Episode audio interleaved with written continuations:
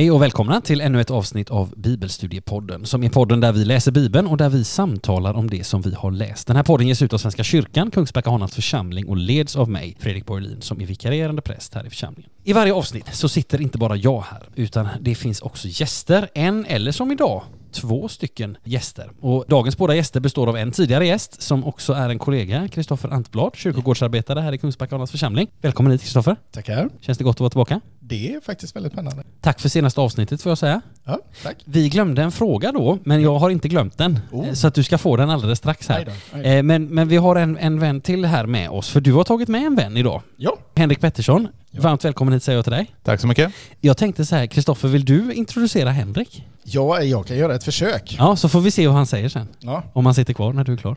Det här är en eh, person som är faktiskt väldigt, väldigt välkänd i trakten. Speciellt av ett antal olika elever som har haft honom. Du själv är väl Ja, jag är faktiskt, en också gammal elev till Henrik. Gammal elev ja. till Henrik. Eh, allmänt sett så förstår jag av andra människor att han kallas för Petson. Jaha. Lite grann för att han har det dragningen, att han ligger åt eh, Petson-hållet. Eh, han har en egen eh, laggård hemma med djur och han har, kör alltihopa samtidigt. Min son, han älskar att vara hemma hos honom. Åh, det är så mycket nya djur överallt! Ja, det finns alltid någonting att titta på och se Ja. på. Ja. Så det är ganska roligt faktiskt. En del av Henrik. Jag har känt Henrik faktiskt efter en introduktion av en vän för tio år sedan är det nog. Och då fattade jag faktiskt inte hur mycket glädje vi skulle ha av varandra. Det tog några år innan vi faktiskt eh, lärde känna varandra. Mm. Och nu är vi svårskiljaktiga. Ja. En god vän helt enkelt. En väldigt god vän. Då vill jag fråga dig Henrik, stämmer du in i den här beskrivningen? Hur ställer du dig till den? Det, det var en eh, helt korrekt beskrivning tycker jag. Ömsesidigt Kristoffer. Jag trivs väldigt bra med dig och dig som vän. Och jag bor i Fjärås och har jobbat i 20 år i Kungsbacka kommun som lärare. Ja. Eh, Som bland annat slöjdlärare för dig då, en Ja. gång i tiden. Ja. Jag tror det var mitt första år på Smedjeskolan. Ja, jag hade dig i teknik vill jag minnas i alla fall. Ja. Precis, precis. Och jag kan säga så här att jag uppfattar mig själv som oteknisk och då tänker jag att du har säkert fått brottas där. Jag minns dig som en väldigt, väldigt glad elev Ja. och bjöd på dig själv redan då. Ja, Så att, ja vad eh, roligt. Det, det, positivt. var skönt att höra. Man kunde tro att det kunde vara ett annat poddprojekt att samla sina gamla lärare. Olika, men, men, men, men inget sånt är i sikte. Men det är väldigt roligt och vi har ju också träffats några gånger efter jag slutade på Smedingeskolan. Så att Absolut. Säga, så att det är gott. Jag tänkte så här, du ska få någon sån här allmän bibelfråga också Henrik, innan vi ska börja dra igång mer med läsning och så. Jag tänkte så här, när, var och hur läser du Bibeln? Ja, jag har inte en fast bibeltid. Och jag har inte haft någon fast bibelplats heller. Men ehm, nu när vi, vi har fyra döttrar och eh, nu börjar de flytta hemifrån. Så nu får jag ha ett eget rum igen. Ja, Som man hade när man var barn. just det. Så nu har jag ett litet man cave och där trivs jag väldigt, väldigt bra att sitta och läsa bibeln. Just det. Och det är lite olika tider när det går liksom. Men jag oftast, ehm, jag tycker bättre om att läsa på morgonen. Ja. Jag har många år läst eh, lite grann på kvällen innan man somnar. Men Mm. så tänker man att eh, nästa dag då, liksom, nästa kväll, Mm. att eh, vad minns jag av det liksom? Just det. Eh, så även om det är lite svårt och det, jag lyckas inte varje dag, Nej. så är det de dagarna när jag ber och läser Bibeln först Ja. eh, innan jag gör någonting annat. Det är så mycket bättre. Mm. Så, så det är min favorit. Ja. Och hur? Jag, jag läser ibland bibelläsningsplaner. Mm. Oftast läser jag en bok i taget. Ja. Och ibland kommentarmaterial parallellt. Mm. Kan man säga. Intressant att. Får man fråga om du har något favoritbibelord? Ja, jag har egentligen fler, eller ett annat bibelord. Men, men det kan vi ta någon annan gång. Eller så. Men um, Filipperbrevet 4.4. Ja. Nu läser jag då. Eh, Gläd er alltid i Herren. Än en gång säger jag, gläd er. Låt alla människor se hur vänliga han är. Herren är nära. Framförallt den här första versen där. Gläd er alltid i Herren. Än Ja. en gång säger jag, gläd er. Ja. Det, är, um, det behöver jag höra kan man säga. För det, Ja. jag är en sån som inte alltid um, vaknar på min bästa sida. Nej. Så det är bra. Ja, fint. Det hakar i ett av mina favoritbibelord, Psaltaren 100 2. Tjäna Herren med glädje. Mm. Gott. Sen är det ju så här också, Kristoffer, jag lovade dig en fråga som vi glömde förra gången. Ja, ja. Eh, För jag vet att du svarade på när du och läser och var och hur och varför. Jag råkade ställa frågan varför och fick ett svar också. Men sen så kom jag att tänka på att en fråga som många av- av våra kollegor här i Kungsbacka har fått, men som inte du fick då, men den ska du få nu, är hur använder du Bibeln i ditt arbete? Ja, alltså står det inte att jag ska sätta mig på gräsklippan så går jag inte dit. Nej. nej, nej, inte riktigt så. Det är faktiskt väldigt mycket eh, liknande det som eh, vi hörde precis. Mm. Just den här biten med gläd dig, att ta en del av de här bitarna som man är faktiskt lite svag på och så försöka på något sätt att praktisera det Mm. i verkligheten. Och ofta så ringer ju de eh, bibelorden som man läser, de ringer ju lite grann i skalet under dagen. Och Ja. det gör ju liksom att man koncentrerar sig på att, Ja. ja, just det, det var så man skulle göra. Och så, så försöker man. Men sen så ser man ju också ibland att det är väldigt svårt. Det är inte varje dag som Mm. saker och ting är lätt. Nej, Och då behövs inte. det ju också den här uppmuntran ifrån gudsordet att Mm. eh, Gud ger oss styrkan. Mm. Så Bibeln som en uppmuntran i arbetet kan man säga. Kan man sammanfatta det så? Mycket så. Ja, gott att höra. Ja, kära vänner, ni är ju också här för att vi ska läsa Apostlagärningarna 26. Och vi ska göra det alldeles strax. Vi ska innan det säga några inledande ord om det här kapitlet, men före dess så ska vi samla oss själva, sträcka oss mot honom som genom sitt ord vill komma till tals med oss. Vi ska börja med att be helt enkelt. Så jag knäpper mina händer, du som lyssnar är varmt välkommen att göra det tillsammans med oss här på läktaren. Låt oss be. Ja, kära Herre, så ber vi dig nu att du öppnar ditt ord för våra hjärtan och våra hjärtan för ditt ord. Amen. Ja, Apostlagärningarna 26 är alltså kapitlet för dagen och några kortfattade saker ska vi bara påminna oss om så här i början. För det första, hela det här kapitlet det består av ett enda stycke som i alla fall i Bibel 2000 har fått överskriften Paulus försvarstal inför kung Agrippa. Henrik, du sitter med folkbibeln. Vad är överskriften där? Där är det Paulus försvarstal inför Agrippa. Ja, så det var kungen Bara där kungen som hade som kommit till och det, den informationen hade vi fått till oss ändå att han var kung. Men man kan säga så här också att Bibel 2000s avsnittsindelning, alltså Bibel 2000 börjar det här försvarstalet egentligen egentligen slutet på kapitel 25. Så hela det här kapitlet är ett enda långt stycke och det är inte så jättepedagogiskt att försöka tala om ett helt kapitel och flyga fram och tillbaka. Så därför, kära lyssnare, så ska vi göra en liten uppdelning idag. Jag återkommer till det om en liten stund. En sak till som vi behöver känna till för det andra. Talet äger rum i Caesarea Maritima, där Paulus har hållits häktad i över två år nu hos ståthållaren Porcius Festus. Men det här talet hålls alltså först och främst till den lokala judiska, eller kanske snarast den lokala halvjudiske regenten Herodes Agrippa den andre, som har kommit på besök. Det är en sak vi ska känna till. Och så det tredje, samtidigt som Paulus har varit fast och häktad en lång tid här i Caesarea Maritima, så är han på samma gång ute på sin sista resa, alltså resan till Rom där Paulus nu vet att han ska komma eftersom han har begärt att få sin sak prövad inför kejsaren. Det läste vi om i förra kapitlet, men vi har också sagt det att den här resan har ju pågått längre än så egentligen sedan mitten på kapitel 21. Även om förflyttningarna, de stora förflyttningarna över Medelhavet, ja det kommer först i nästa kapitel. Men vi ser ändå på hela det här avsnittet som är från när tredje missionsresan är slut och resten av den här bibelboken. Vi uppfattar det också lite pedagogiskt, försöker vi trycka på det som en enda resa. Här är vi nu, Caesarea Maritima, och vi ska lyssna till Paulus försvarstal som sagt. Och vi ska göra en liten uppdelning, vilket innebär att vi ska börja med att lyssna till det som vi kallar lite grann för talets inledning och som är de åtta första verserna. Och det kommer att vara Henrik som läser, och du Henrik läser ifrån folkbibeln, vilken av dem? 2015? 2015. Ja, gott. Nej men då lyssnar vi till när Henrik läser de här verserna. Agrippa sa då till Paulus. Du har tillåtelse att tala för din sak. Då räckte Paulus ut handen och började tala till sitt försvar. Kung Agrippa, jag är tacksam att det är inför dig jag får försvara mig idag mot allt som judarna anklagar mig för. Särskilt som du är så väl insatt i judarnas alla seder och tvistefrågor. Därför ber jag dig att lyssna på mig med tålamod. Hur mitt liv har varit från det att jag var ung, från första början bland mitt folk och i Jerusalem, det vet alla judar. De känner mig sedan lång tid tillbaka och om de vill kan de vittna om att jag levt som farisé enligt den strängaste riktningen i vår religion. Och nu står jag inför rätta för mitt hopp till det löfte som Gud gav våra fäder och som våra tolv stammar hoppas få se uppfyllt medan de ivrigt tjänar Gud natt och dag. För det hoppet, kung Agrippa, står jag anklagad av judarna. Varför anses det otroligt bland er att Gud uppväcker döda? Tack så mycket Henrik. Ja, så har vi alltså fått oss eh, lite mera bibeltext till livs. Och vi kan bara kort påminna oss om att ja, apostlagärningarna är full av tal, men det är också lite intressant, det här är ju ett försvarstal och sådana finns det också flera stycken av här i apostlagärningarna. Det kan vi bara kort påminna oss om och det kan vi ha som ett jämförelsematerial. Alltså dels har vi några partier ganska tidigt i den här bibelboken som innehåller, vad ska vi säga, drag av försvarstal. Alltså vi kan tänka på Petrus och Johannes när de är inför rådet i kapitel 4. Vi kan tänka på ett sätt på Stefanos tal i kapitel 7. Vi kan tänka, det hör ju lite ihop med Kristoffer när du var här förra gången. Det var ju kapitel 10, då var vi i Cornelius hus och sen i kapitel 11 har ju Petrus en redogörelse för hedningarnas omvändelse. Varför han har gjort det han har gjort så att säga. Och det är också lite försvarstal på ett sätt. Men här mot slutet av den här boken så blir det mer renodlade försvarstal. Alltså Paulus har ett försvarstal inför ståthållaren Felix, det var förrförra kapitlet. Och så har han ett här inför kung Agrippa i det här kapitlet. Och sen har vi faktiskt ett tal också i det allra, allra sista kapitlet. Men om det är ett försvarstal eller inte, det spar vi till den gången. Men det finns en hel del jämförelsematerial här också kring just det här, vad ska vi säga, kring genren försvarstal. Men jag tänkte jag vill fråga er, Henrik och Kristoffer, vad fastnar ni för i de här åtta inledande verserna?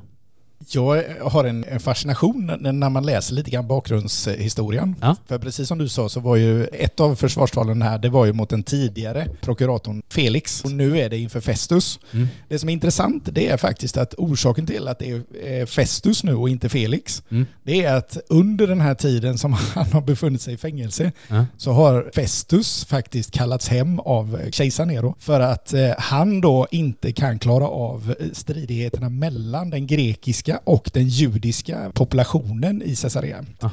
Det är också en otroligt stark eh, vad heter det, politisk eh, rörelse i detta. Och det Ja. Festus nu gör, det är Ja. att han åker upp till Jerusalem för att ta reda på det och judarna är direkt på honom vad det Ja. gäller den här situationen. Och han ser ju också svårigheterna i att möta upp judar eh, samtidigt som han ska då liksom på något sätt gjuta olja på de här vågorna då som, som har varit bakåt. Och den spänningen är rätt förlorad på oss många gånger. Vi tycker Mm. att ja, men det ser ut som ett försvarstal och kungen kommer dit och så vidare. Då. Men Mm. det är faktiskt arrangerat på ett väldigt tydligt sätt. Mm. eh, För de här dignitärerna som är där, de är avsedda för att på något sätt skapa en form av eh, bryggning mellan den judiska och den grekiska civilisationen i Caesarea också. Mm. Och det är därför de håller den här eh, biten där. Sen vädjar väl i och för sig Festus till Paulus att han egentligen vill hålla den i Jerusalem. Ja, det. Och det vägrar ju eh, Paulus då. Ja. Så just den här spänningen tycker jag kan vara väldigt viktigt att ha med sig Ja.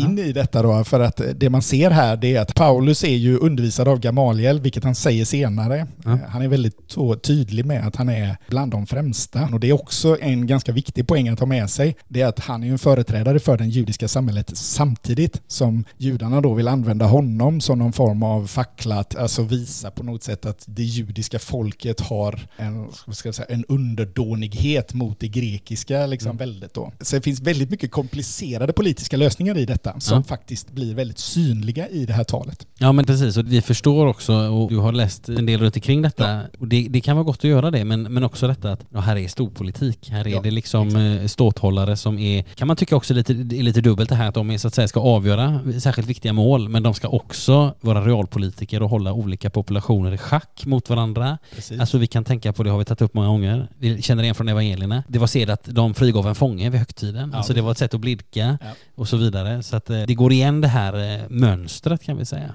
Och det är lite det som jag tycker är intressant med den kristna tron också, det är att den faktiskt finns med i det här politiska spänningsfältet. Mm. Den är inte en sidohistoria som bara i största allmänhet råkar ha fått en tragisk historia Nej. eller olika typer av sidor, utan den är nästan alltid i sprängstoftet av en historisk rörelse. Ja. Vilket eh, också i det här fallet då blir väldigt, väldigt intressant när man ser den biten då. Absolut. Det tycker jag är, ger mig oftast, eh, och när jag såg den biten så såg jag själv, wow, vilken Mm. intressant ingång i det, ett sånt här försvarstal. Ja. För annars kan man tycka att det är lite knepigt att läsa sådana här försvarstal Ja, ja, om man inte har liksom lite grann bakgrundsbiten klar Mm. för sig. Ja men precis, att vi inte heller fastnar i att det här bara är ja, ett tal och vi ska titta på exakt hur det är komponerat eller vilka fina ord man använder utan att det här, oj det här är också en laddad situation. Oh, ja. liksom. och, och här är någon som också, det är ju på många ställen i Apostlagärningarna, någon som verkligen talar för sitt liv. Ja. Alltså på det sättet. Och dessutom så är det väldigt intressant för här precis innan då eh, i slutet av förra kapitlet så lämnar ju då Festus över den här eh, pekpinnen till Agrippa och förklarar Mm. för honom att jag måste ha en orsak till att skicka upp honom till Caesar och det har jag inte just nu. Vi kan bara dra oss till minnes här för att friska upp minnet lite grann att alltså mot slutet av förra kapitlet så har ju Agrippa och Berenike kommit ner till Caesarea för att besöka Festus och han liksom sätter dem ju in i fallet Paulus som då Felix har lämnat efter sig, står det här i alla fall i Bibel 2000. Och sen så mot slutet av den här beskrivningen av hur de så att säga sätts in i fallet Ja. av Festus så säger Festus så här till Agrippa. Då jag inte visste hur jag skulle reda ut detta föreslog jag honom att resa till Jerusalem och låta sig dömas där. När han då yrkades på att hålla sig i förvar för att få sin sak avgjord av kejsaren gav jag order att han skulle sitta kvar här tills jag skickar honom till kejsaren. Festus sätter Agrippa och Berenike in i saken och så lite senare så läser vi så här att Festus säger så här. Därför låter jag honom framträda inför er och först och främst inför dig, kung Agrippa, säger alltså Festus, så att jag efter den här utfrågningen vet vad jag ska skriva. Det kan inte vara rimligt att skicka en fånge utan att ange vad han anklagas för. Så där har vi ju bakgrunden till att Festus måste veta vad det är Paulus vad det handlar om riktigt på djupet. Annars kan han liksom inte skicka honom bara till kejsaren och säga red ut det här. Så kan man inte göra mot kejsaren och högsta domstolen. Och att en eh, vad heter det, prokurator som Festus faktiskt är, så är det, det som är intressant är det att Festus faktiskt erkänner den här typen av frågeställning. Ja. Medan om man är något sån här potent eh, liksom ledare så Mm. brukar man inte erkänna svagheter på det sättet. Jag har ingen aning vad jag ska säga. Liksom. Nej, nej, nej, Alltså. Men det ser man också, den politiska bakspinnen på något sätt. att Ja. han vädjar utifrån ett judiskt perspektiv av att jag vill inte bara skicka iväg honom utan jag ödmjukar mig och jag vill ha in liksom andra uppfattningar i detta. Sen Mm. lämnar han ju över mer eller mindre stafettpinnen till Agrippa Ja. och Agrippa då är den som ber Paulus att komma in. Så det är ju där vi börjar någonstans i det spelrummet. Då. Och som det står tidigare kapitel där så, så planerade ju fariséerna att i princip avrätta Paulus på vägen till Jerusalem om han hade skickats dit. Ja. Och, jag tänk, anfall. ja, och det säger också någonting, för det tänker jag att det är ju Festus medveten om. Ja. Så att säga. Så därför, man kan säga så här, på ett sätt är det lite, om man får säga så, det är ju lite mänskligt av honom att ändå ta in någon annan. Ja. Alltså det är vad vi idag skulle säga, vi tillsätter en utredning. Eh, så. Men det är också samtidigt stort att hade han bara velat bli av med problemet Paulus så hade han sagt att nej men detta får ni ta i Jerusalem. Ja. Och så, du, kan, du kan promenera iväg dit och sen så hade han ju varit död kort tid senare. Och det gör han inte heller och det tänker jag, nu ska inte vi sitta här och bedöma de här människorna kanske allt för ingående med den lilla information vi har. Men det faktum att så att säga Festus inte släpper Paulus till vargarna hedrar honom ändå, det måste man ju säga. Ja. Sen finns det ju lite sådana här smågrejer som jag tycker Ja. kan vara intressant med texten också. Bara den biten att eh, vad heter det, Paulus räcker upp handen Just det. Alltså i en speciell grej. Och det är tydligen ett väldigt tydligt tecken på att man faktiskt vet om civilrättsreglerna som Ah, finns runt okej, omkring där. För det använder han vid ett annat tillfälle också när han tystar en pöbel som i stort sett vill slakta honom. Så kör han samma sak, det vill säga Ja. att man visar på en form av tecken som var ett tecken för att visa på att nu ska jag tala. Ja. Och då valde folk faktiskt att lyssna till just den eh, verkligheten. Då. Och det är en väldigt intressant grej, för att, återigen, det visar på att eh, Paulus är inte bara rädd i det här läget, utan han är Nej. väldigt avsiktlig. Och han har egentligen också tränats för detta i sin specialträning som han har. Det vill säga att kunna lägga ord på ett sätt som formar. Men det känns som att det är väldigt spännande, för det innehåller väldigt mycket bra grejer. Vi, vi kan lägga märke till, bara kopplat till det som du säger där Kristoffer, att alltså vi har läst på två ställen innan om att Paulus har gett tecken till tystnad. Alltså det läser vi i kapitel 13. Det står det så här i vers 16. Paulus reste sig, gav tecken till tystnad och sade Israeliter och ni som fruktar Gud, lyssna på mig. Och så i kapitel 21, vers 40 står det så här. Kommendanten gav honom sin tillåtelse och uppifrån trappan gjorde Paulus tecken till folket att lyssna. När det blivit tyst började han tala till dem på hebreiska. Alltså vi vet att Paulus har gjort tecken, men vi har aldrig sett vad tecknet består i Nej. förrän nu. Och vi vet egentligen inte att det var samma tecken då som nu, men det, nu får vi faktiskt ett, så att säga, ett, ett praktiskt exempel på vad är det han gör. Ja. Ja, han lyfter handen. Och det är en form av, som jag fick förstått det av en annan kommentar, så är det Mm. en civilrättslig utgångspunkt. Då. Ja. Och det var inte vilka som helst som fick göra den eller hade den i utbildningen, att man visste hur man skulle kunna göra en sån grej. Ja. Så att eh, det är en liten sån här anekdot vid sidan av. Då. Ja, gott. Henrik, har du något mer som du tänker på? Ja, jag tycker det är väldigt häftigt där att han börjar i sitt eget liv och att Mm. det är så offentligt. Ja. Att, ehm, han liksom försöker inte liksom gömma sig på något sätt utan han är ju verkligen eh, tydlig med att alla känner mig och vet vem jag är och hur Ja. jag har levt och var jag kommer ifrån och sådär. Ja. Och ja, ganska så karsk i sin ton där liksom att jag kommer från den strängaste inriktningen och jag, jag har levt liksom mer eh, laglydigt än de flesta liksom. Och sen just den här formuleringen där. Och nu står jag inför detta för mitt hopp till det löfte som Gud gav våra fäder. Ja. Han måste nog ha funderat ganska mycket på vad han skulle säga där tänker jag. Ja. Vad är det han ska pinpointa liksom? Och, och det var just det. Det slog mig.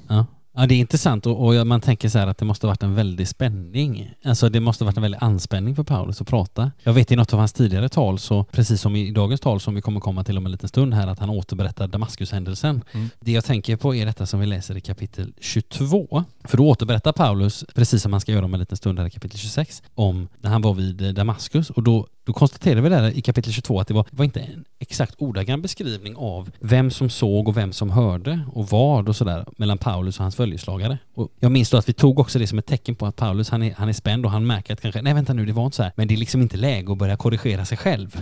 Utan liksom huvudbudskapet går fram och man får tänka att det måste varit en enorm anspänning alltså. Att stå så här som han gjorde. Och ändå kan han uttrycka sig så, precis som du säger Henrik. Alltså han kan uttrycka sig så här ändå väldigt stringent. Att det, är Det, det är ju säkert detta. en jättestor folksamling här. Ja. Eh, om det är på amfiteatern där som, Ja. som de är i. Jag har faktiskt varit där Okej. en gång.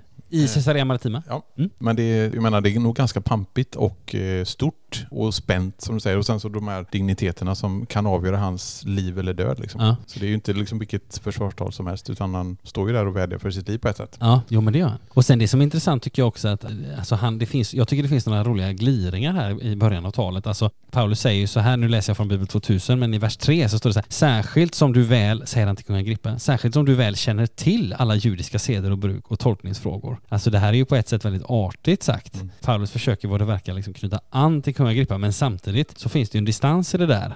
Det vill säga Paulus knyter inte an till Agrippa som till en kär judisk broder. Nej. Utan det är ändå att du vet lite grann här Agrippa, men, men du är ändå inte på mammas gata nu. Alltså det, är ett- det är ett lite fint sätt att säga det. Tyck, Så upplever jag de verserna. Och sen också det här som han säger, nu läser jag igen från Bibel 2000 i vers 5, så står det så här. De känner mig sedan gammalt och om de bara vill kan de intyga att jag har levt som farisé. Men det kanske är just det de inte vill.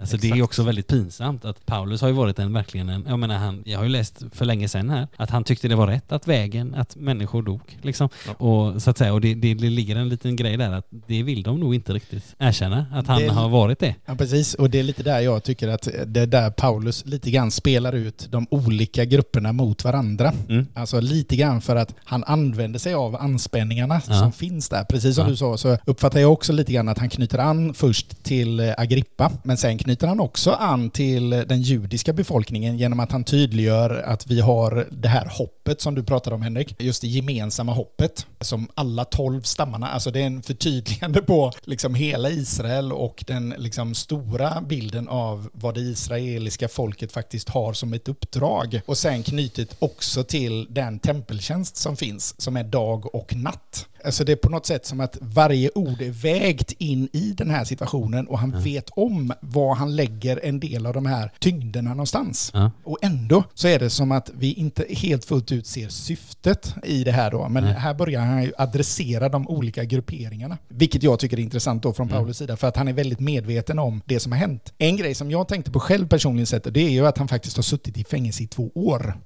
Och det är inte vem som helst som klarar av att vara kaxig eller att Nej, vara liksom helt avslappnad i en sån här situation. Nej. Så på ett sätt så måste man ju säga att han är ändå, för att vara spänd, så är han Ja. ändå väldigt, om man läser talet så är han väldigt väl artikulerad och Ja. väldigt medveten om de olika fraktionerna i sammanhanget. Och då kan man tänka så här också att precis som du säger Kristoffer, Paulus har suttit två år i ett häkte och vi kan dra oss till minnes en, ett annat, alltså talet som Paulus håller, det han säger inför rådet i kapitel 23. För då utnyttjar han ju det här att fariseer och saddukeer Ja. har väldigt olika uppfattningar om uppståndelsen till exempel. Precis. Och då pratar han om det och då blir det ett väldans liv. Ja. Men han har liksom inte, efter två år i häkte så har han inte förlorat geisten. Nej. Det är intressant att notera för han är lite listig här på samma sätt liksom. Och det Han har, väl, han har väl å andra sidan fått ganska mild behandling i eh, häktet under de här två åren. Han, han skulle ju få ta emot eh, förnödenheter och så. Ja på det sättet så har han ju inte varit... i- Han har ju inte varit i is- i isoleringscell. liksom, Nej, nej, det har han sådär, inte varit, utan nej. Han, han har nog behandlats ganska väl för att vara, för att vara häkte så att säga. Ja. Men- jo men det får man nog tänka sig. skulle jag gissa på. Ja, eh, å andra sidan så vet vi inte med full säkerhet vad det innebär. Det är ju att de anhöriga får förse honom med sina behov. Ja. Och det kan fortfarande vara husarrest och de här bitarna hör vi ju om senare Ja. när han befinner sig i Rom. Ja. Men Mm. i eh, tillfället vid Caesarea så vet man ju inte med säkerhet vad det exakt det innebar. Nej. Så att jag skulle nog ändå säga att eh, med våra standardmått så skulle vi nog ändå vara rätt skrämda. Och det är en sån här grej som jag tror kan vara väldigt viktigt att komma ihåg för det kan vara en uppmuntran för oss som kristna att trots skrämdheten och Mm. de skrämmande verkligheterna runt omkring Mm. så bär Paulus med sig inför två stycken jättestora dignitärer, Mm. inför en jättestor anspänning, Mm. en otrolig styrka och glädje. Mm. Och det är den här syftesbiten som jag tycker är väldigt, väldigt intressant. Mm. Vad är hans poäng med detta? För Mm. det är inte bara ett försvarstal. När Mm. man kommer lite längre ner här så märker man det. Mm. Han jobbar med ett helt annat syfte i hela det här talet. Mm. Och det är det jag blir väldigt så imponerad av när man tittar på Paulus, hur han lyfter hela sitt perspektiv och fokuserar inte på sin egen straffsituation, Nej. utan han lyfter frågeställningarna på en helt annan verklighet. Och det här är väldigt, väldigt intressant. Mm. Så det skulle man kunna säga. För om man sen tittar på precis avslutningen här, det sista du läste där, eh, Henrik, så var ju just den här biten med varför är det så svårt för er att tro att Gud kan uppväcka någon från de döda? Mm. Alltså, den frågeställningen är också en ganska intressant fråga Ja. som han slänger ut bara där. Ja. Och den lägger han fortfarande i ett inledande liksom, läge Ja. på den här biten. Och för mig så är det en sån här frågeställning som man kan fundera på. Om det nu fanns, och det fanns det, eh, i det grekiska tänkandet så Mm. fanns en tveksamhet till perspektiven av vad ska vi säga, livet efter döden. Som man, om man tänker på den grekiska mytologin så fanns det ju nog en gammal för, förhållningssätt där man både ville se varför ska vi återuppstå till det här tragiska livet? Alltså det vill säga, det fanns ett påtaglig spänning även i den frågeställningen. Och det är den här frågeställningen som Paulus använder sig av för att han vet att det leder fram till Kristus. Så att frågeställningen som man spränger in där är en sån här frågeställning som, eh, som man ser då liksom att man vräker in det i talets början för att sen återknyta till det längre ner. Vilket är oerhörd liksom, precision för en person som har suttit i fängelse. Ja men det är sant och jag tänker också det utifrån det du säger här att det handlar både om att här är ett försvarstal men här finns också andra beståndsdelar. Jag kan tänka på, det har vi också återkopplat till ett par gånger här tror jag, men Markus evangeliet kapitel 13 så talar ju Jesus om vad som komma skall, alltså kommande prövningar. Och i vers 9, och det här är ju tänker jag en väldigt applicerbar vers eh, på det som vi är med nu och också kopplat till att Paulus har lite andra tankar än bara försvar. Så säger Jesus så här då, inte till Paulus som inte var med, men, men till de lärjungar som då var med. Så säger han så här, eh, Markus 13.9. Men var på er vakt, man ska utlämna er åt domstolar och ni ska pryglas i synagogorna och ställas inför ståthållare och kungar för min skull, som vittnen inför dem, det vill säga då når vittnesbördet också dem. Och sen får vi, kan vi se vad Agrippa säger något här lite senare och vi kan fundera på om han, hur mycket han tar emot av det som Paulus säger på ett djupare plan. Men det är intressant att oj, den här versen skulle vi nästan kunna använda som en, en sammanfattning av vad som händer i det här Verkligen. kapitlet. Verkligen. Men det finns också ett eh, tidigare tilltal till Paulus själv, Ja. där han faktiskt får den här uppmaningen. Ja. På samma sätt som du har vittnat om mig idag i Ja. Jerusalem, Ja. så ska du få vittna för mig på andra områden också. Och där får han ju väldigt tydligt tilltal om just den här biten. Ja. På natten stod Herren hos honom och sa, var frimodig, så som du har vittnat om mig i Jerusalem måste du vittna även i Rom. Just det bibelordet tror jag också fanns med i Paulus tankebyd när, Ja. när han gör detta. För det här är ju en relation till Jesus Kristus som han har, Ja. som är i detta då, att han vill vittna om någonting som han faktiskt har. Just det. Så han har lämnat sitt eget liksom, försvarstal lite grann åt sidan Mm. för att komma till de centrala, viktiga funktionerna i detta. Just det, och bara för att påminna oss där att eh, versen som Kristoffer läste, eh, Apostlagärningarna 23.11, och vi kommer återkomma till den versen allra sist idag. Jag fick en liten eh, tanke när jag läste det, också de här första verserna om den sista frågan där. Ja. Varför anses det otroligt bland er att Gud uppväcker döda? Bara en eh, reflektion. Så vad skulle hända om man sa det i, ställde sig i riksdagen, liksom, motsvarande hög, eh, pampig eh, maktrum liksom, Ja. och sa detta. Den är ganska provocerande även nu. Ja, det är den absolut. Eh, Och det Ja. skulle vara väldigt, väldigt fascinerande att höra en um, riksdagsdebatt och någon vågar säga det här. Liksom. Ja. Det är ju lite andra argument och så nu för tiden. Men, jo, absolut, men ändå. eh, I en helt annan kontext. Ja. Men, men eh, jag tror det skulle vara väldigt, väldigt bra.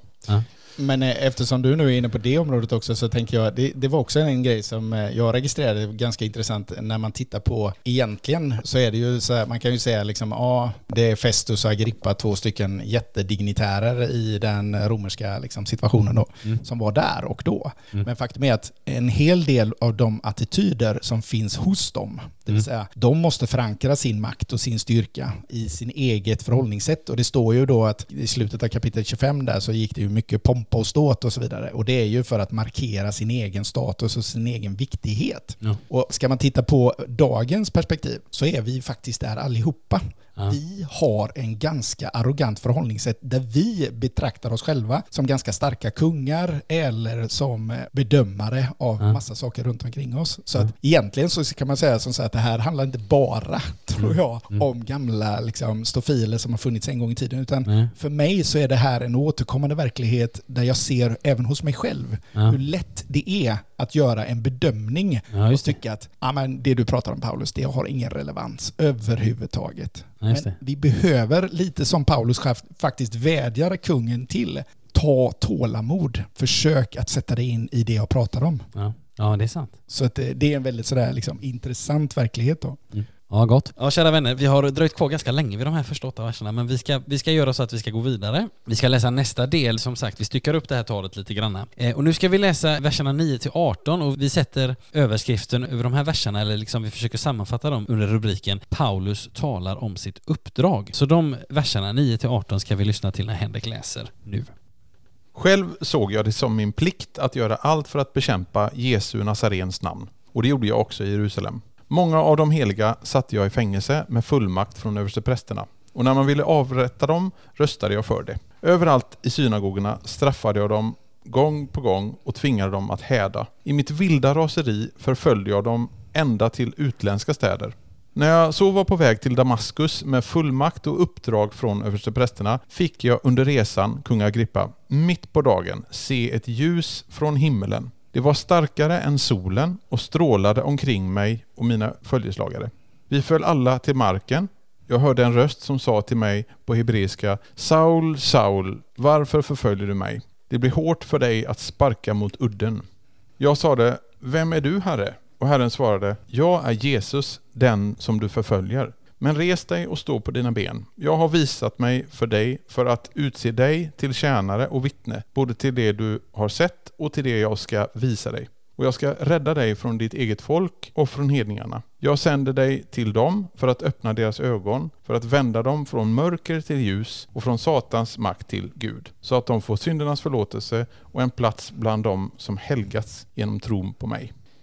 Tack så mycket Henrik. Ja, huvuddelen skulle man väl kunna kalla detta av Paulus tal på något sätt. Två saker har jag fastnat för här. Dels det här när Paulus talar om resan till Damaskus, alltså precis som Paulus gör också i andra tal, så får vi också i det här talet en tillbakablick, inte minst till det tillfälle när Paulus fick vara med om både sin dramatiska omvändelse och sin kallelse, alltså det vill säga händelserna på vägen till Damaskus i kapitel 9 här i Apostlagärningarna. Och inte minst i kapitel 22 så fick vi en rejäl tillbakablick på detta så att säga. Och vi konstaterade då, i kapitel 22 alltså, i tillbakablicken, någonting som vi också kan konstatera nu, nämligen att de här tillbakablickarna, när vi jämför dem med det som vi läser i kapitel 9, alltså när vi läser återberättandet kontra när vi läser om själva händelsen innebär att vi får tre saker egentligen. Vi får repetition, det vet du, speciellt du Henrik som är lärare, att det är kunskapens moder och tristessens fader säger man Ja, ibland. precis. Men det är ändå gott, alltså Ja. vi får en repetition. Vi får också tillägg. Nu skjuter jag lite från höften när jag säger att jag, vi hörde Henrik läsa i vers 14 så här, att rösten sa det till mig, alltså till Paulus, på hebreiska.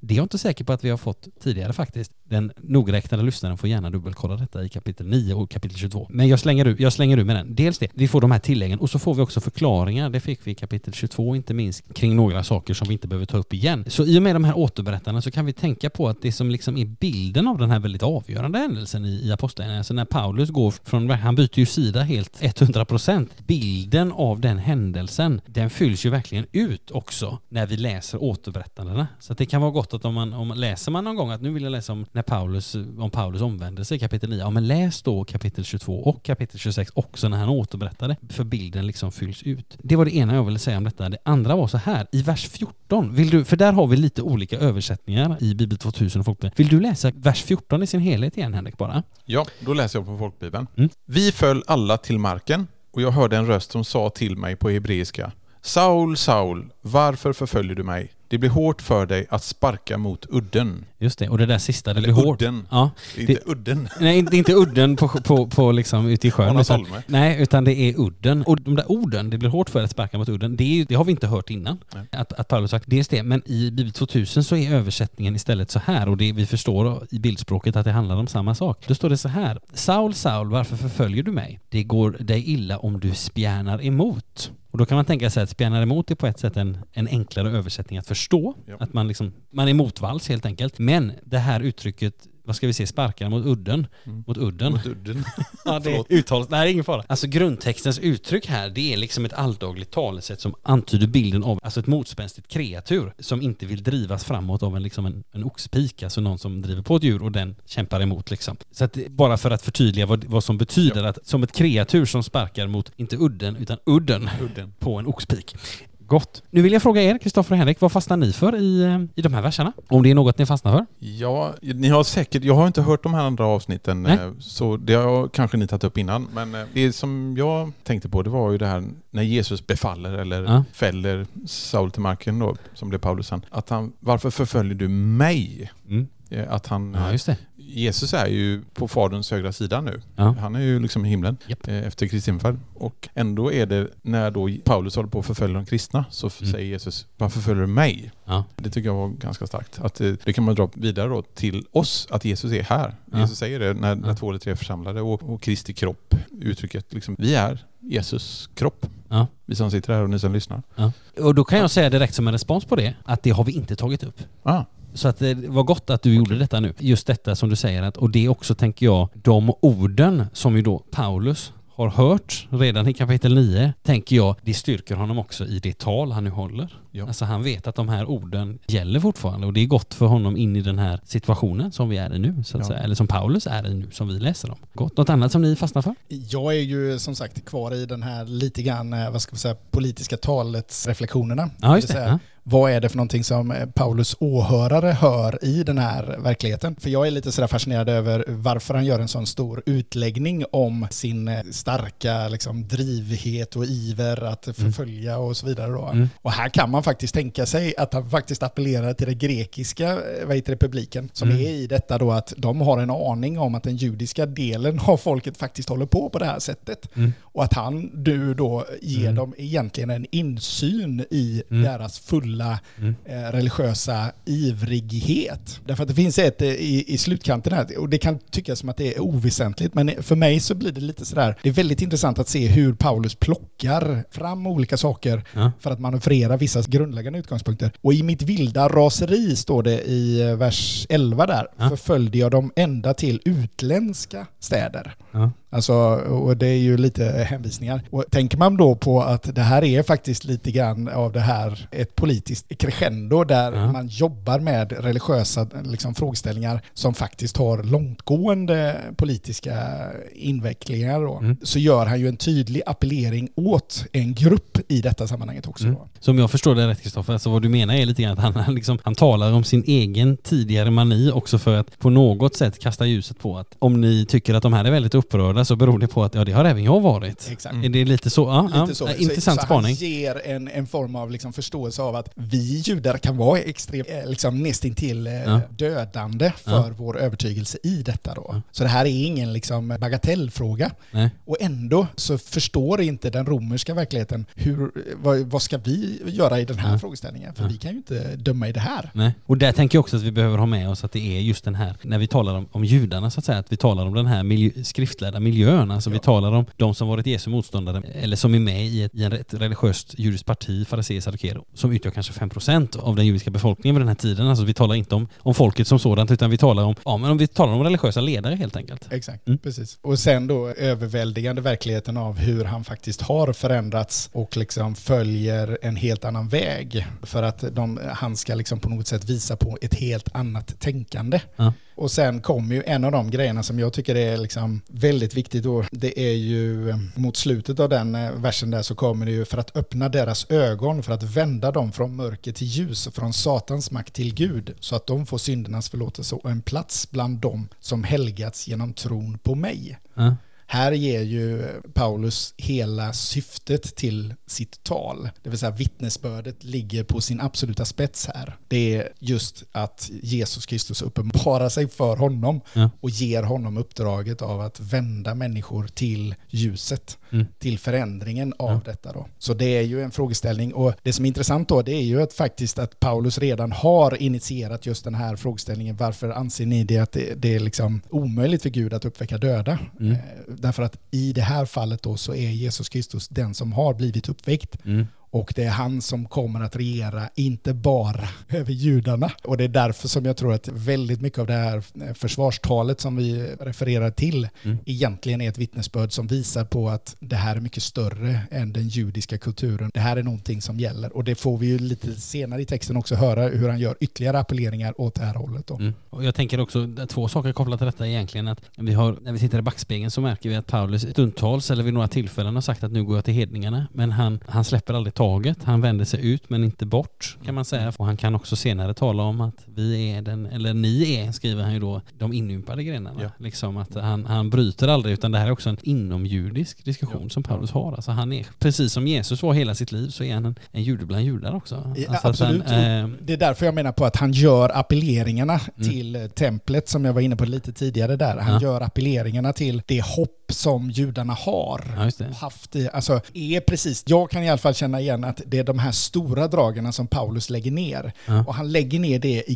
grupper här som faktiskt är blandade. Mm. Så det är både grekiska och judiska grupperingar i ja. den här platsen. Och Caesarea utgjorde då just en sån här stridsfält för den stora grekiska befolkningen kontra den stora judiska då. För mm. att det här var ett maktcentrum också då. Mm. Även om judarna gärna ville ha det till Jerusalem då. Mm. Ja men precis, och jag tänker också på det här, alltså, vi talar om hoppet här, också det hopp som Guds folk har liksom förvaltat i ja, århundraden, årtusenden eh, och som också därför skulle komma dem själva först till del. Ja, eh, och det är också en del av varför Paulus är så, varför han talar med sån här att, att hallå, det är ju vi, det är vårt folk som har förvaltat detta. Liksom. Ja. Sen tänker jag bara som en sista sak jag vill säga kopplat till det du säger Kristoffer, att vi har, vi har noterat innan att, att, Paulus han kan använda sig av sin tidigare historia. Ja. Ungefär som man kan höra en evangelist eller predikant idag tala om att eh, det här var mitt liv före jag mötte Jesus och så vidare. Och det är precis det som han gör på vägen till Damaskus, så att det, det är väldigt liksom välkänt format så att säga. Men vi märker också att Paulus, han använder inte bara detta, tänker jag den här texten visar, inte bara för att liksom visa och tala om vad Jesus har gjort för honom, utan han använder det också liksom i en försvarssituation på ett tydligt sätt. Så, och det ser vi ju här, så det är intressant att han skäms inte för den han har varit och han kan tala om det också i en situation som denna. Precis. Och egentligen så skulle jag, om jag får göra en liten utläggning här, för, för det är faktiskt någonting som eh, jag hörde en, en tolkning av just det här talet som jag tyckte var väldigt, väldigt intressant. Och det är att om man tittar på vad ska vi säga, vi säger ju gärna att vi har empiriska och rationella skäl i vår tid som de grundläggande koncepten för hur vi kommer fram till sanningar. Mm. Men faktum är att under hela liksom, världshistorien så har det varit vittnesbörd som har varit den verkliga utgångspunkten mm. för vad man kommer fram till mm. i olika sammanhang. Och människor måste avgöra utifrån när de lyssnar till andra människor, hur låter detta, vilka argument använder de, mm. hur pass plausibelt är det som de säger. Och då är det ofta som så att man måste redogöra för sin egen bakgrund, vilket Paulus gör i detta väldigt uppriktigt och väldigt ärligt. För det man har konstaterat i vår empiriska och väldigt så rationella tänkande i vår mm. tid, ja. det är att vi faktiskt sitter fast i vår egen kulturella värderingsgrund. Ja. Det vill säga, vi kommer egentligen inte loss Nej. fullt ut. För vi tror att vi har oftast mer makt eftersom vi då säger att vi har kunskaper. Men i själva verket, de kunskaperna är ju formade utifrån det att vi bestämmer oss för att vi kallar detta för den egentligt rådande situationen. Mm. Och ändå så ser vi då att vetenskapsmän på olika sätt då poängterar nya typer av rön och nya typer av förståelser som påverkar vår förståelse och så inser vi plötsligt att vi sitter fast fast i en modernare form ja. av fortfarande ett tänkande som handlar om att vi tillsammans övertygar oss om vad som är sant utifrån en del då föreställningar om empiri och rationellt tänkande. Mm. Men i själva verket så har historien nästintill alltid bestått av just enkla vittnesbörd ifrån människors egna erfarenheter. Mm. Vilket är detta då som Paulus faktiskt riktar in sin fulla liksom, rättsbit till då. Mm. Och detta är svårt för en eh, grekisk domstol att ta under sig, för de har ju mer fokat på lagen, alltså det som de uppfattar som lag i sin mm. tid. Jag kan inte förklara det lite bättre än så här på den här korta tiden, men, men egentligen så är det som så att vi tror oftast i vår tid att vi har bättre förutsättningar och vi har mer på vår egen lyra än vad de hade på den tiden. Mm. Men i själva verket så befinner vi oss på samma sätt som dem i en inomjordisk förståelse av hur vi betraktar och vad vi uppfattar. Mm. Och det är ju lite det som stora delar av vetenskapsmännen också säger att när vi skrapar och när vi går ner på liksom nivåer och letar efter svar så inser vi hur mycket vi inte vet. Och det kan faktiskt också vara en väldigt viktig sanning för oss att komma ihåg. Mm. Att vi är inte så medvetna eller vetande, även om vi tror det. Mm. Henrik, har du något mer du tänker på i, den här, i det här avsnittet? Nej, Nej. inte så. Men då tänker jag kära vänner att vi ska gå vidare. Vi ska få höra avslutningen av talet nu, verserna 19 till 23. Vi har fått en repetition av Paulus tid som apostel och vi ska nu liksom gå in för gå in i avslutningen av talet genom att som sagt läsa inte resten av kapitlet utan resten av det som Paulus säger, alltså verserna 19 till 23. Så vi lyssnar till när Henrik läser. Därför, kung Agrippa, har jag inte varit olydig mot den himmelska synen. Jag har predikat först i Damaskus och sedan i Jerusalem och hela Judeen och även ute bland hedningarna, att de ska ångra sig och omvända sig till Gud och göra gärningar som hör till omvändelsen. Det var därför som judarna grep mig i templet och försökte döda mig. Men med Guds hjälp står jag än idag som vittne inför både små och stora. Och jag säger inget annat än vad profeterna och Mose har sagt skulle ske. Att Messias skulle lida och att han som den första som uppstått från de döda skulle förkunna ljuset både för vårt folk och för hedningarna. Tack så mycket. Henrik och Kristoffer, tankar från er om de här verserna? Ja, det, det är egentligen bara en upprepning av det jag sa tidigare. Ja. Att här vidgar ju Paulus helt plötsligt syftet till en mycket bredare publik. Ja, verkligen. Här är det ju inte bara liksom judarna, här pratar vi om liksom även den grekiska delen. Mm. Och eftersom vi då dessutom refererade till det tidigare och jag fick vara med på den eh, vad heter det, i Apostlagärningarna 10, Ja, när, när också då en av de romerska, första romerska liksom, centurion, så var ju inte han en helt oviktig figur i det romerska liksom, imperiet heller Ja, eh, på den biten. Och därför så kan man då helt plötsligt här se en återknytning, fast långt, långt senare, till detta hos Paulus och i det talet då. Mm. Och återigen så kan man fundera på, är det så smart att lägga den här typen av fokus Ja, på den här typen av verklighet? Därför att Mm. helt plötsligt så pratar vi om att de sanningarna som jag tror på, som Paulus egentligen står upp för här, de är inte bara inomjudiska, utan de gäller alla. Mm. Och det är lite grann av den här verkligheten som helt plötsligt då blir väldigt kraftfull. Mm. Henrik, har du någon tanke? Ja, det här ehm, med ljuset som det Mm. står i sista raden där. Ja. Förkunna ljuset både för vårt folk och för hedningarna. Det står väl i något av breven, om det är Johannesbrevet, att Gud är ljus och i mörker finns honom. Jajamän. Och ljuset var ju väldigt tydligt när han eh, beskriver den här synen. Eller det var ju inte en, en liten syn han fick utan han Nej. blev ju liksom, han och de här som åkte till Damaskus fick ju liksom eh, se ett jätte, jättestarkt ljus, starkare än, än solen. Ja. Och ja, det har betytt ganska mycket för mig faktiskt om Ja. man får ta någon personlig grej. Absolut, så. gärna. Så ehm, ett tag så, eh, för många, många år sedan så gick jag igenom en liten kris med det här med jag hade funderingar ett tag när jag var sen tonåring eller 20-årsåldern om em, det här med, med allt lidande, lidandets problem Ja. enkelt, som finns Jajamän. i världen. Och mörkret som finns kan man säga då. Mm. Så jag tänkte på hur, oftast är det ju så att när man har varit med om mörka saker, alltså jobbiga saker, så Mm. uppskattar man eh, ljuset eh, Mm. och det, det goda väldigt mycket. Ja. Eh, och har man aldrig liksom varit med om någon svårighet så, så är man... Eh, de personerna som alla varit med, eller alla har ju varit med om någon jobbig sak, men människor som det har gått väldigt, väldigt bra för, typ, har oftast, eller har jag i alla fall, min erfarenhet, märkt att de ibland ja, inte uppskattar livet och de små grejerna liksom, för att man, man tar det för givet, som vi i vårt, vårt rika land ofta gör då. Och så hade jag idén om, det är liksom svartvitt och um, man ser det ljusa i tillvaron i relation till det mörka. Mm. Eh, Som en svartvit teckning kan man säga, en svartvit tavla så. Ja. Och då slog mig tanken, nu låter det helt knäppt här kanske, men då slog det mig tanken, vad händer om det inte skulle finnas någon mörker? Alltså i himlen eller i paradiset innan, innan synden kom in. Hur uppskattade människor saker om det inte fanns något mörker att relatera till? Ja, just det. Är du med? Jajamän. Och hur kommer det bli himlen liksom, om det inte finns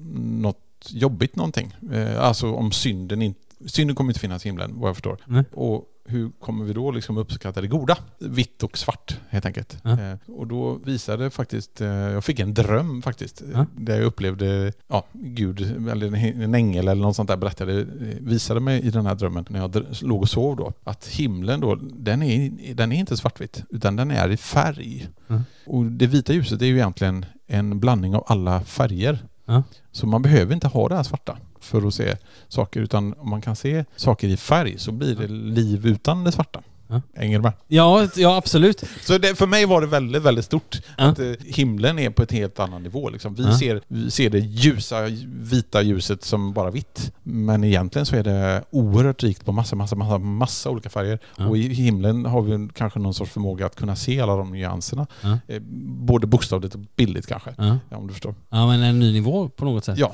Och jag tänker det är häftigt då om vi tänker på Paulus ljusupplevelse här och, och att han har hört en väldigt tydlig röst och han har sett ett väldigt starkt ljus och så kan han ändå skriva i första Korintierbrevet 13 ännu ser vi en gåtfull spegelbild. Amen. Alltså eh, han inser att okej jag har fått en rejäl aptitretare men den stora middagen Ja. den väntar. Ja det är häftigt.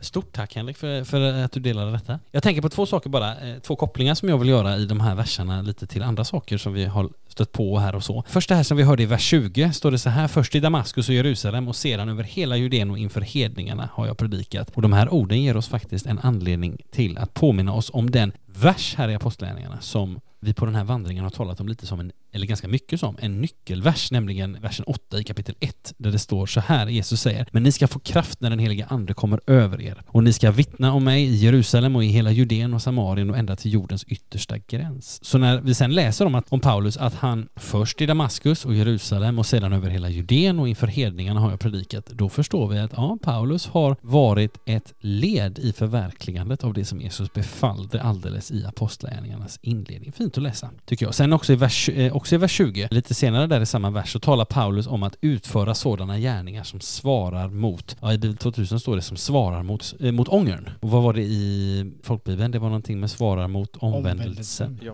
Just det. Och här kan vi, och det blir ännu tydligare i folkbibeln, här kan vi utan större problem dra en parallell till någonting som är en del av Johannes döparens förkunnelse. Är Alltså det som där det på ett sätt allting börjar på ett sätt. Vi läser om, om Johannes döparen så här i Matteus 3, står det så här. När han, alltså Johannes då, såg att många fariseer och saduker kom för att bli döpta sade han till dem, huggorms yngel. vem har sagt er att ni kan slippa undan den kommande vreden? Bär då sådan frukt som hör till omvändelsen. Alltså i det som vi hör Paulus säga om att utföra sådana gärningar som svarar mot ångern eller omvändelsen då, så finns det alltså en kontinuitet hela vägen bakåt till vad vi kan kalla för evangeliernas begynnelse, alltså Johannes döparen. Också väldigt fint att se tycker jag. Och kan man också säga, vill jag säga som en sista sak kopplat till detta, kontinuiteten går ju ännu längre bakåt. Det märker vi också i de här verserna, i den här öppningen som, som Paulus gör, som inte minst Kristoffer lyfter fram här. Paulus säger ju så här, och vad jag talar om är ingenting annat än vad profeterna och Mose har förutsagt att Messias måste lida och att han som den första som uppstod från de döda skulle förkunna ljuset både för vårt folk och för hedningarna. Där har vi ljuset igen Henrik. du.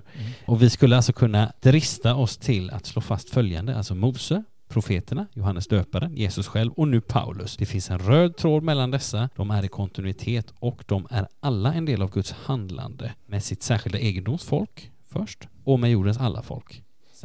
Så det, ja, det finns mycket kontinuitet här också i detta tal, eh, får man säga. Kära vänner, har ni något mer i, kopplat till det här avsnittet? Annars tänker jag att vi ska ta och gå vidare. Vi har några verser kvar. Det är verserna 24 till 32. Jag har lite sådär självsvåldigt satt en överskrift här, efterspel. Så nu har Paulus, han har slutat hålla sitt tal så att säga, men det kommer att pratas lite mer och det kommer att hända lite mer. Och det ska vi få höra Henrik läsa nu. Så vi lyssnar till verserna 24 till och med 32. När han sa detta i sitt försvarstal ropade Festus Du är galen Paulus. Din stora lärdom driver dig till vanvett. Men Paulus svarade Jag är inte galen, högt ärade Festus.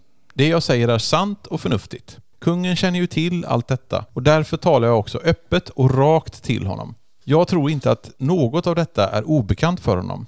Det är ju inte i någon avkrok det har hänt. Tror du på profeterna, kung Agrippa? Jag vet att du tror.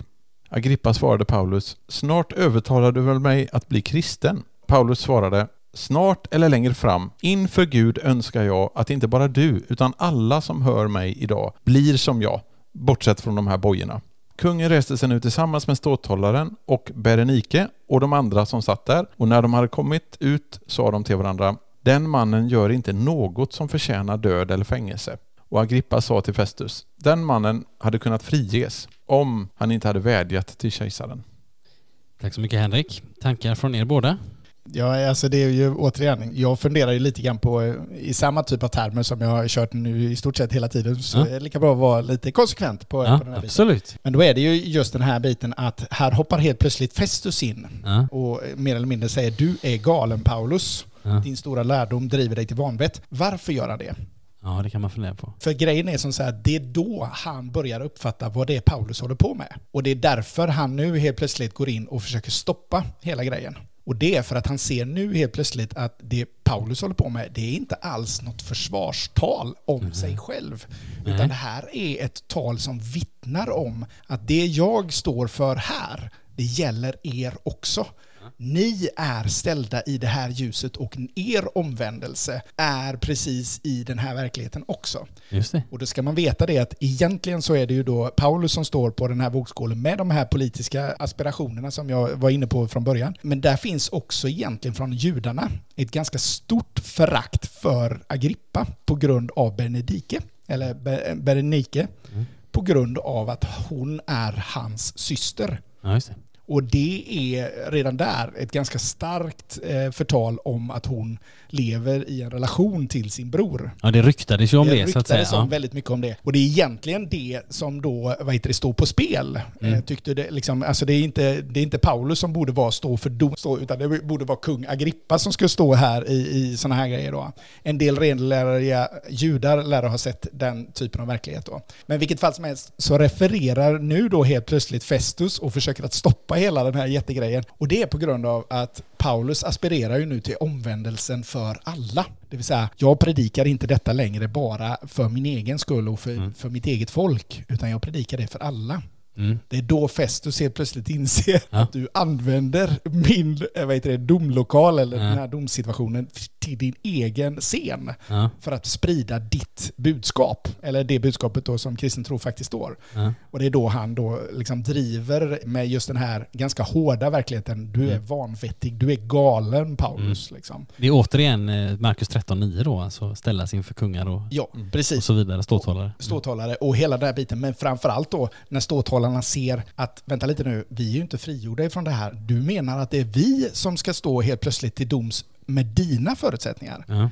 Så helt plötsligt så är ju det det Festus anar sig till. Mm. Och det är därför också man ser senare i talet här, där den vänder ju sig liksom Paulus avsiktligen direkt till Agrippa, för att Mm. det är Agrippa han har egentligen talat till hela tiden. Men här vet han helt plötsligt att du tror på profeterna. Och det är ju återigen samma typ av frågeställning. Mm. Vad är det vi egentligen pratar om här? Jo, det är tron på vad det judiska folket faktiskt står med. Vad har Mm. profeterna? Jo, de har hela tiden pekat fram mot Mm. att det kommer en Mm. Messias. Mm. Den Messias gäller inte bara det judiska folket, utan Mm. det gäller alla. Mm. Och det blir helt plötsligt väldigt starkt i en sån här situation. Så att sprängstoftet slår Mm. fel. Festus har ju Mm. tänkt att använda det här till att smäta ut kanterna och helt plötsligt så inser han att vänta lite nu, här är det någonting helt annat som äger rum. Mm. Så därför så måste han ta tag i det här väldigt, väldigt kraftigt och bryta det. Men det är min personliga liksom lite Mm. koppling till det. Ja men det är intressant det här med, alltså vi kan, du, du påminner här om något som vi har tagit upp tidigare men det, det är bra med påminnelse där. Att, alltså Agrippa och Berenike är syskon eh, och det så att säga finns rykten som någon har plockat upp om det är Josefus eller Svetonius eller vem det nu är. Att de skulle vara, att det florerar rykten om att de också skulle leva tillsammans som, Yes. en, ja, som partners helt enkelt. Japp. Eh, vid sidan om det som är så att säga tillräckligt magstarkt så är det också så att de har ju ytterligare en syster, Ja. Drus, Drusilla eller Drustilla, Japp. som var gift med den förre ståthållaren Felix. Så att det, man kan också tänka sig att det, det finns ganska gott om minor på det här golvet också. Eller det är liksom det är så Ja, mycket Väldigt tvistade saker här. Hänt i veckan Eh, hade ganska mycket att skriva. Ja, man kan säga precis. De, den typen av eh, publikationer hade, hade mycket väl kunnat starta redan då kan vi säga. Absolut. Henrik, har du något som du tänker på i det här avsnittet? Ja, jag, jag bara tycker det är så härligt att, att ehm, se att det är ju egentligen Paulus som är liksom ställd inför rätta rätta kan man säga då. Ja. En sorts domstol här ju. Och han vädjar ju för sitt liv. Man kan se det liksom att han, ja, han måste verkligen rädda sig nu liksom. Ja. Men istället så är det omvända roller här i slutet. Att. Det är ju han som ställer Agrippa och, och de här styrande och hela folket som lyssnar då liksom i, i sina formuleringar där. Liksom att, och, och Agrippa, jag vet inte vilken ton, det skulle vara väldigt intressant att hört det här liksom, hur sa Agrippa detta? Var det med eh, sarkasm eller var, det liksom, var han redigt arg när han säger det här att snart övertalar du väl mig att bli kristen? Är Ja. det liksom, eh, är han frustrerad och arg eller är det liksom ett eh, ironiskt leende eller så? Ja. Men, men eh, Paulus är ju en stor förebild här, tänker jag, för oss alla troende. Att faktiskt vara lite provocerande med våran tro Ja. med andra. Alltså Ja. att våga ställa lite folk mot väggen. Ja. Och våran omgivning och så. Då talar jag väldigt mycket till mig själv, inte Ja. om mig själv, utan Nej. till mig själv. Att jag behöver bli bättre på det. Ja. Så tänkte jag på. Ja, och jag tänker, men precis de här verserna, det är väldigt intressant det här med både det som, som Agrippa säger och det som också Paulus svarade här. Och jag läser från Bibel 2000 så står det så här, Agrippa svarade Paulus, det går fort för dig att få mig till kristen. Fort eller långsamt svarade Paulus. Gud give att inte bara du utan alla som idag lyssnar på mig blir sådana som jag, men utan de här bojorna. Mm. Alltså det här att Paulus säger Gud give att inte bara du utan alla som idag lyssnar på mig blir sådana som jag. Ja. Men utan de här bojorna. Alltså vi skulle ju kunna uppfatta det här, de här orden som en smula, eller ganska mycket uppblåsta. Men jag tänker också så här, eller jag, ty- jag tycker också att vi kan dels faktiskt, så kan vi ju se Paulus ord i ljuset av det som kung Agrippa har sagt. Ord som vi skulle kunna, precis som du säger Henrik, uppfatta som hånfulla. Eller något sånt där, att det säga, vi vet inte med vilken ton han säger det, men, men förstår vi dem som hånfulla så förstår vi kanske Paulus ord lite bättre, så att säga. Eh, sen kan vi dels också se Paulus ord som ett uttryck för en önskan att alla ska bli som honom. Såklart inte vad gäller hans person eller hans bedrifter eller hans eventuella goda sidor eller sådär, utan bli som honom i betydelsen ett Guds barn, en Jesu lärjunge, Amen ett, han, ett tempel för den helige ande. Alltså, ja, ja. Alltså att det är det, det är det det handlar om och det tycker jag när vi också tittar på hela detta talet och hur mycket, om vi får säga så, hur mycket Markus 13.9 det har varit här, att han har verkligen varit ett vittne, så tänker jag att ja, men det, det framgår ganska tydligt att Paulus säger inte bli li, lika bra som jag är, Nej, nej, nej. utan han säger bli den jag av nåd har fått bli. Ja. Det tänker jag, ja det är gott. Och det är starkt också utifrån precis den här beskrivningen som vi har sagt. Han har suttit i fängelse i två år, Ja. inte fått sin Mm. sak prövad, Absolut. inte sin, sin sak utredd. Alltså det är lite grann det här, jag har varit orättvist insatt i den här verkligheten på grund av massa människor som har en massa eller starka uppfattningar Ja. som jag själv har haft. Ja. Alltså det är fortfarande samma typ av verklighet att Mm. jag är en del av detta, ni är en del av detta. Mm. Men jag skulle säga, det jag har funnit är ett svar som är starkare än något annat. Så jag ser verkligen precis samma sak som du, att, att det finns ett, här finns ett väldigt starkt eh, mått av just det här, bli troende så som Mm. jag, alltså på Kristus, Mm. befriad ifrån liksom allting annat för att det är det som kommer att göra viktigt. Så Mm. för mig så är det här en total vändning för det de vill åstadkomma och Mm. det som Paulus faktiskt har, liksom, och framförallt då Gud själv, för att han använder ju detta som ett språkrör. Mm. Det stod någonting också i texten om att stora och små, Mm. vilket indikerar någonstans att i den här rättssalen så var det inte bara dignitärer, Nej. men utan det var Nej. också vad heter det, vanliga människor eller människor som i alla fall inte var i riktigt samma omfattning då. Så det är ju lite så en intressant veckling till att Paulus faktiskt appellerar till varenda kotte som är där. Så det är inte bara dignitärer i största allmänhet som ska bli troende utan alla människor som får möjligheten Mm. att se detta Mm. ska ge liksom sådär. Gott. Henrik, har du något mer? Inte Nej. så. Jag tänker så här, för att lite börja gå in för landning här, alltså i dagens allra sista vers, nummer 32, så läser vi följande så här. Och Agrippa sa det till Festus. Om han inte hade vädjat till kejsaren hade han kunnat friges. Jag tänker det här, det här visar två saker för oss. Dels så lär det oss någonting om den romerska statsapparaten, det vill säga Ja. har man vädjat till kejsaren så kan, verkar man inte kunna ta tillbaka det. Utan har man vädjat till kejsaren då ska man till kejsaren man kan liksom inte överklaga till högsta domstolen, vilket ju det här faktiskt handlar om, och sen dra tillbaka sin överklagan. Utan har man överklagat så har man överklagat och då är det det som ska hända. Dels det, men också det här, det tycks för Agrippa i alla fall och kanske också för, för Festus ligga liksom någon slags ödets olyckliga ironi i att Paulus vädjar till kejsaren. Om han, för om han nu inte hade gjort det så hade han kunnat bli fri på direkten liksom. Mm. Men, och då tänk, måste vi nog tänka så här tror jag, att bakom detta som i åtminstone kung Agrippas ögon tycks vara ett bakslag för Paulus. Om vi nu väljer att se det så att Agrippa ändå tycker att det är uppriktigt synd att han har liksom, ah, tänk om han inte hade vädjat så hade han ju varit fri och vad skönt det hade varit liksom. Men om vi tänker att det är det som Agrippa menar med det han säger här, då framstår ju detta som ett bakslag för Paulus på något sätt. Men bakom bakslaget så att säga finns ju Guds plan och styrning av det som sker. Och att det är så, det vet ju Paulus också. Vi kan dra oss till minnes den här versen som, som du lyfte upp tidigare Kristoffer, eh, Apostlagärningarna 23 och 11, som utspelar sig precis efter att Paulus ställts inför Stora rådet. Alltså tidigare på denna Paulus sista resa. Då skedde nämligen följande, vi läser så här. På natten kom Herren till honom och sade, till Paulus alltså, var inte rädd. Så som du har vittnat om mig i Jerusalem måste du också vittna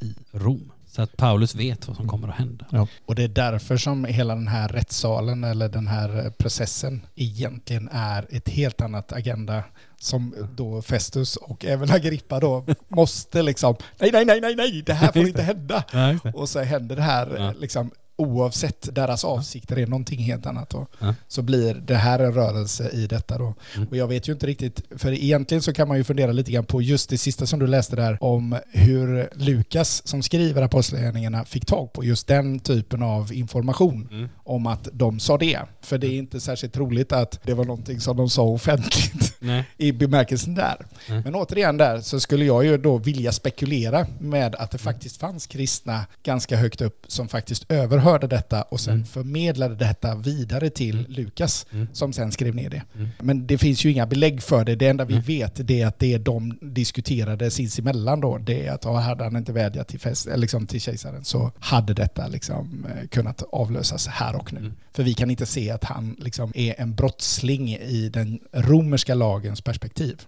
Men det var inte syftet från Guds sida, tror jag Nej. inte. Så att det är lite det som du är inne på som jag tycker också är väldigt Mm. spännande. Det är att Gud använder de här politiskt väldigt spända situationerna Mm. och gör entré på ett helt annat sätt än vad de här människorna kunde föreställa sig. Ja. Vilket jag tycker är coolt. ja, det är gott. Paulus är en eh, gott redskap för just de här bitarna. Och det är en önskan att vi alla ska få vara redskap för olika typer av situationer där vi är. Ja, amen, säger jag på det. Henrik, har du något slutord? Jag eh, tycker det var jättebra sammanfattat av er båda. Ja. Ehm, han är en stor förebild, Paulus.